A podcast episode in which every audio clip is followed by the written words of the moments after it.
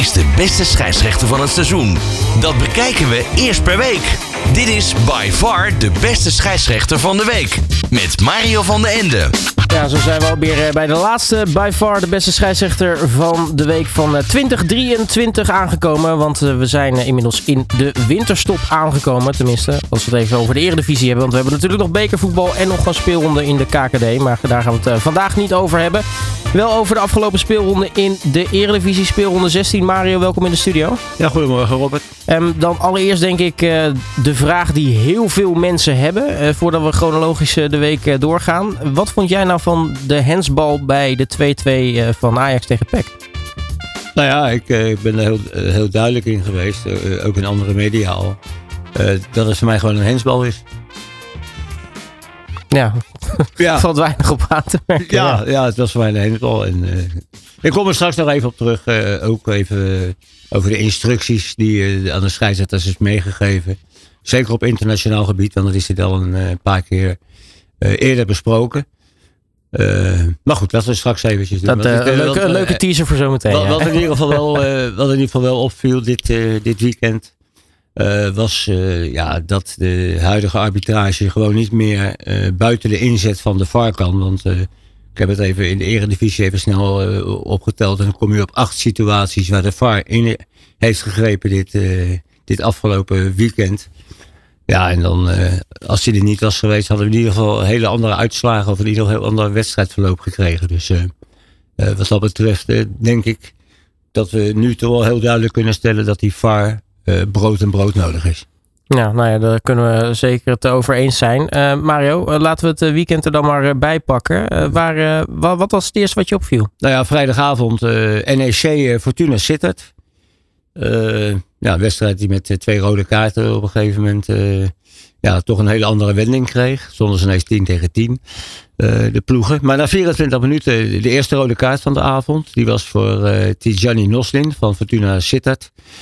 Ja, hij werd door een kleine overtreding werd hij even uit zijn balans gebracht. Edwin van der Graaf, de scheidsrechter van dienst, die, die floot daar niet voor. Eh, ja, zoals hij wel meer niet floot die avond. Hè. Dat- die heeft ook een stijl van. eh, of hij ziet het niet, dat kan natuurlijk ook. eh, of hij laat in ieder geval zoveel mogelijk doorgaan.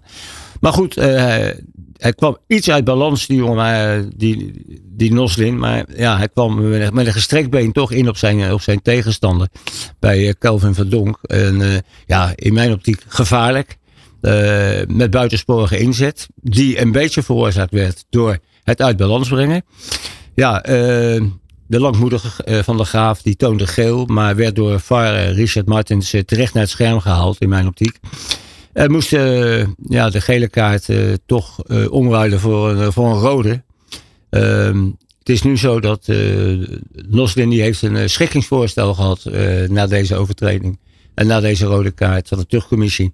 Voor drie wedstrijden waarvan één voorwaardelijk. En daar is Fortuna Sittard al gisteren al tegen in beroep gegaan. En ja, ik denk dat eh, misschien dan, eh, wat ik zeg, het uit balans brengen. Dat dat misschien mee gaat spelen. Maar dat hij een schorsing tegemoet kan zien, dat, eh, dat denk ik wel. Maar het kan er zijn dat het iets verminderd wordt. Even later scoorde NEC heel vrij de 1-0 door Magnus Matson. Maar misschien moet de arbitrage toch ook nog even die situatie voorafgaand aan het doelpunt nog maar een keer terugkijken. Omdat eh, Koki Ogawa in mijn optiek Alen eh, Halilovic onreglementair van de bal zette. En kort na rust viel de tweede rode kaart toen Fortuna Sittard speler eh Arianit Ferrati blij mocht zijn dat hij geen blijvende schade aan zijn scheenbeen eh, overhield. Aan een gevaarlijke tackle van, eh van Mees Hoedemakers. Ja, het, het voorval ontging van de Graaf totaal. Hij toonde niet eens een, een gele kaart bijvoorbeeld. Eh, maar ook hier eh, was de VAR gelukkig wel wakker. En eh, ja, daar het scherm gehaald. En toen, toen viel de terechte rode kaart alsnog.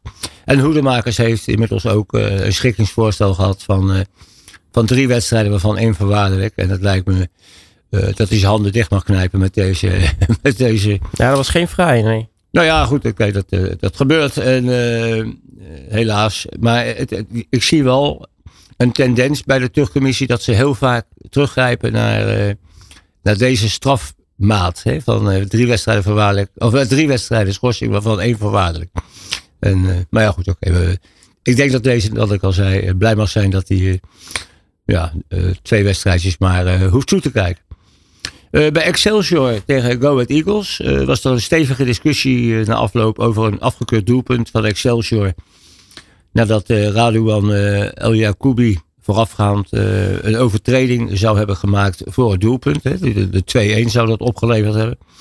Uh, de Excelsior-speler, die hoorde ik later uh, op radio en televisie zeggen. Ja, dat het voor hem totaal geen overtreding was, omdat hij zijn tegenstander nauwelijks had geraakt. Ja, nou, nauwelijks raken, dat betekent dat je in ieder geval wel geraakt hebt. En er staat in de spelregels dat ook aanvallen op een onvoorzichtige wijze niet is toegestaan. Dus in deze kon ik, uh, kon niet de hele avond volgen, maar de beslissing van scheidsrechter Alex Bos kon ik in deze wel begrijpen. Dat hij ja, daarvoor het doelpunt afkeuren. Maar dan krijg je dus toch een hele grote discussie. Als ze zeggen, ja, we raken hem nauwelijks. Maar ook daardoor kwam dus de speler van Go Eagles ten val. En ja, het was voor mij gewoon uh, te billig, laat ik het zo zeggen. Dezelfde avond speelde FC Utrecht uh, tegen RKC. En het was er een situatie die niet in de tv-samenvattingen, en zowel niet op ESPN, maar ook niet bij de NOS, werd getoond. Maar ik heb die, wedstrijd dan ook zitten kijken. En op een gegeven moment kwam doelman uh, Etienne Fase van RKC in een luchtduel met Nick Viergever. Ja, uh, in aanraking, uh, op volle snelheid. misschien raakte de doelman de bal, dat was heel moeilijk te zien. Hij raakte in ieder geval wel Viergever. En die mag blij zijn dat hij, ja, dat hij in ieder geval zijn ribben allemaal nog op de juiste plaats heeft zitten. En het verbaasde mij dus dat uh, scheidsrechter Koesje die deed alsof zijn neus bloedde. En ook de VAR Paul van Boekel in dit geval gaf niet thuis. En dat is voor mij onbegrijpelijk. Ik, ik hoorde Kenneth Perez bijvoorbeeld ook in de, in de rust van die wedstrijd voor televisie zeggen. Ja, als je hem over de grond raakt, dan is het een strafschop. Maar in de lucht dan niet. gelden er andere regels. Nee, die gelden er niet. En dit was voor mij gewoon een gemiste strafschop situatie. Um, Even later was het zo dat uh, een uh, overduidelijke hensbal van uh, Mats in het Utrecht strafschopgebied over het hoofd zag. En die werd even later terecht naar het scherm gehaald door, door Van Boekel. En toen ging de bal alsnog terecht op de, op de strafschopstip. Doelman Vasilis Barkas stopte op een gegeven moment ook nog een keer de strafschop. Maar de VAR had gezien dat de doelman iets te snel uh, voor de lijn bewoog voordat de bal geschoten werd. Moest overgenomen worden. Nou, toen kwamen er toch weer een paar plastic bekertjes op het veld. Uh, dan gaan we weer naar binnen, hè. twee minuten voor rust. Uh, ja, nou ja, Michel Kramer heeft in ieder geval acht minuten de tijd gehad om, ja, om even te denken om een andere hoek uit te zoeken. Dat deed hij in ieder geval. Maar goed, het, het was natuurlijk zo dat ja, het natuurlijk een hele moeilijke situatie wordt als je spelers bij een strafschop naar binnen stuurt. Ondanks dan die afspraken zijn gemaakt van die bier, lege bierglaasjes, die plastic bierglaasjes. Ja, goed, en ik heb geloof ik al twintig keer hier gezegd eh, ja, dat ik denk van jongens, er zijn volgens mij veel ergere dingen. Ja, dat, dat was wat, wat me dus opviel. Dat bijvoorbeeld Alex Bos, uh, ook daar kwam ergens bij die wedstrijd kwam een, uh, een bekertje op het veld. Die liet gewoon uh, doorspelen. Alsof hij het eigenlijk niet gezien had. Of die misschien niet wilde zien. Nou ja, dat kan. Ik, ik heb hier ook al een keer de term ge, gebruikt van... ze doen misschien ook af en toe alsof hun, hun neus bloedt.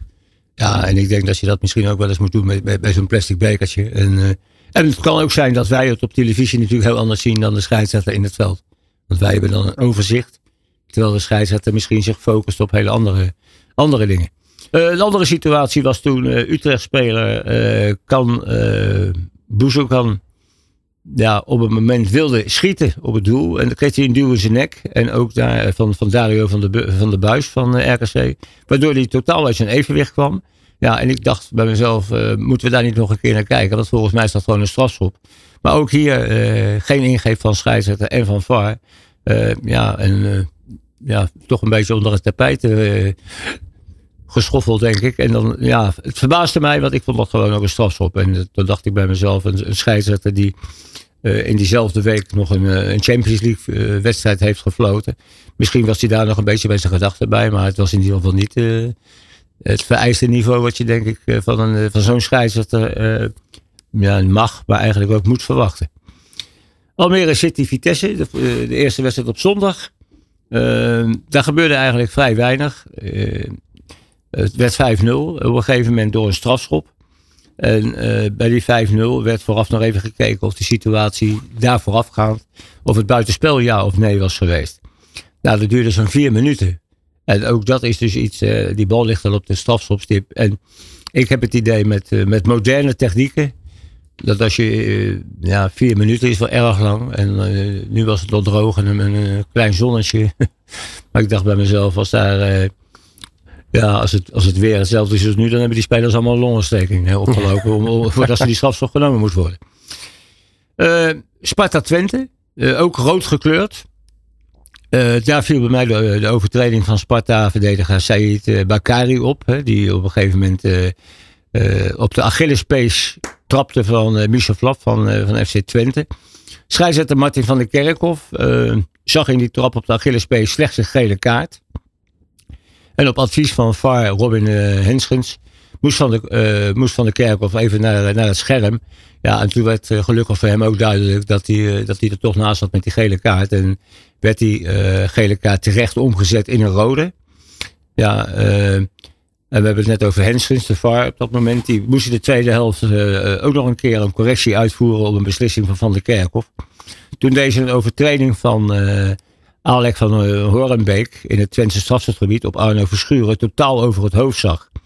Met het VAR-advies was in ieder geval correct. En dat leverde Sparta in ieder geval een terechte strafschop op. En uh, ja, nou ja, goed, dan zie je dus ook dat, uh, dat deze scheidsrechter ja, op, op, op, op beslissende momenten gewoon helaas weer niet scherp was.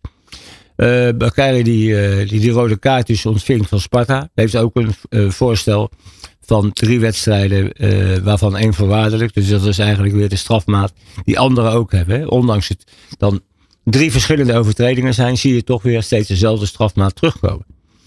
Nou, dan uh, de wedstrijd die jij ook al in de inleiding uh, memoreerde was uh, Ajax Pek Zwolle.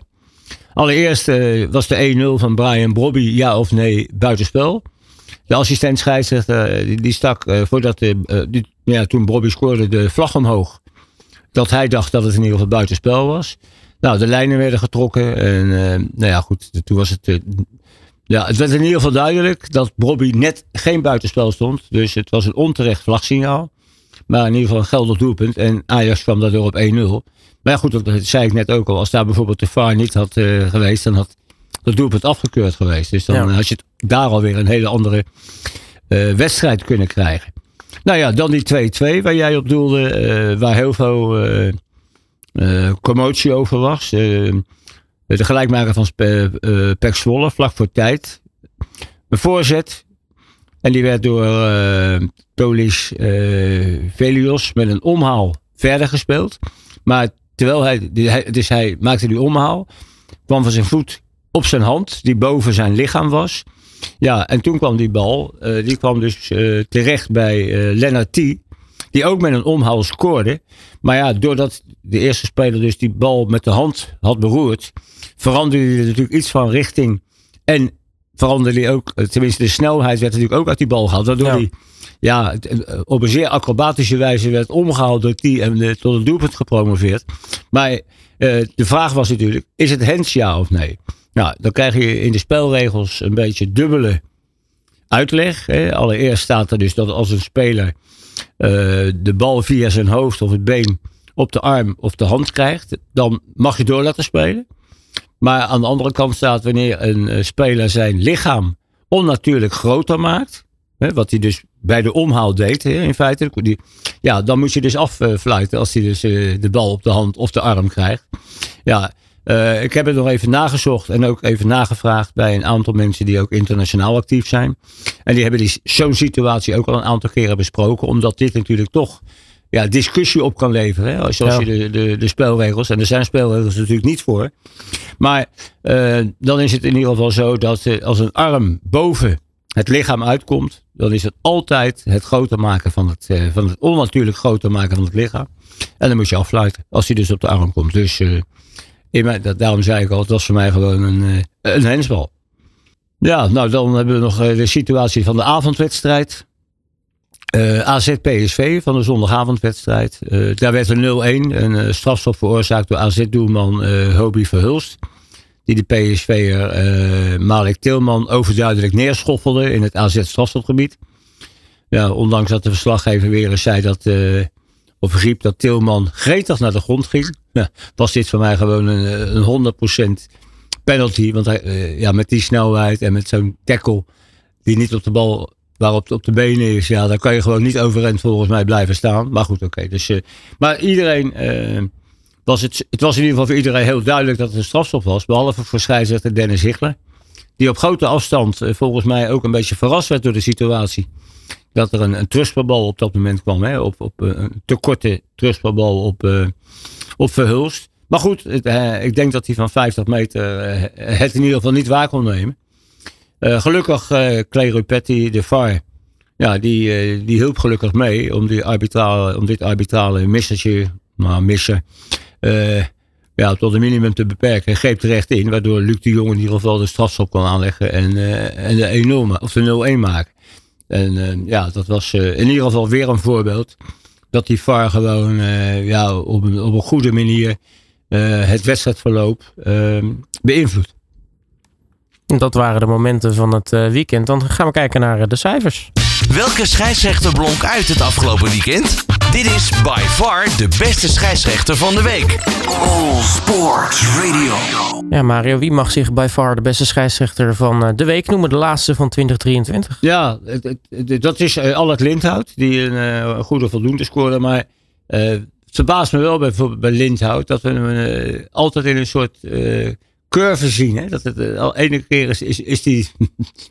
hij is vaak, uh, laat ik zo zeggen, de, de scheidsrechter met, het hoogste cijfer in de week. Maar ook heel vaak aan de onderkant. En ik denk dat uh, voor hem gewoon, als je een nieuwjaarswens mag uitspreken, dat hij in ieder geval wat, wat stabieler gaat fluiten. Ja, en onderin de cijfers. Ik denk dat. ja, ik, ik, heb het net geprobeerd uit te leggen dat de scheidsrechters van de Graaf Koezebejoek en van de Kerkhof uh, in het kerstreces maar even nog uh, hun wedstrijden van het afgelopen weekend te moeten evalueren. Om, uh, om te kijken waar de verbeterpunten liggen. Hoewel die eigenlijk al een klein beetje zijn aangegeven. Hè. Ja. Nou ja, als we nog even vooruit kijken, want nou, we refereerden er al aan. de Eredivisie zit erop voor 2023, maar er wordt nog wel gevoetbald. Ja, er is natuurlijk ja, vandaag, morgen, woensdag en, en, donderdag zijn er ook op, toch wel een paar interessante bekerwedstrijden. Er zijn natuurlijk nog een aantal amateurclubs. Hoewel ik altijd zeg, amateurclubs. Uh, die zijn wel semi-profs, ja Ja, ja goed. Ik, ik heb begrepen dat, uh, dat zelfs vierde divisie. Uh, dus dat de vierde divisie heet. dat, dat daar af en toe beter betaald wordt dan in de keukenkampioen divisie. Dus wat dat betreft denk ik dat het meevalt. Ja, ik, ik, ik ben zelf nooit zo'n echte voorstander van. tussen aanhalingstekens dan die amateurs. omdat ik altijd vind. Ja, ehm, het, is, het een betaald voetbalcompetitie. Uh, Willem II Groningen, uh, vanavond op programma. Uh, met Bas Nijhuis als scheidsrechter. Eindhoven Fortuna Sittard. Lijkt me ook een aardige met fluit Rupetti. En bij Dordrecht Kambuur van der Laan. Morgen heb je ADO Sparta met Ingmar Oostrom en Feyenoord FC Utrecht. Utrecht en Feyenoord, dat, die staan allebei toch wel bekend als cupfighters. Dus dat, eh, dat kan een aardig wedstrijdje worden voor, eh, voor Paul van Boekel. En donderdag uh, heb je dan uh, Vitesse Herenveen. Ja, een ploeg, uh, Vitesse die natuurlijk heel onder druk staat.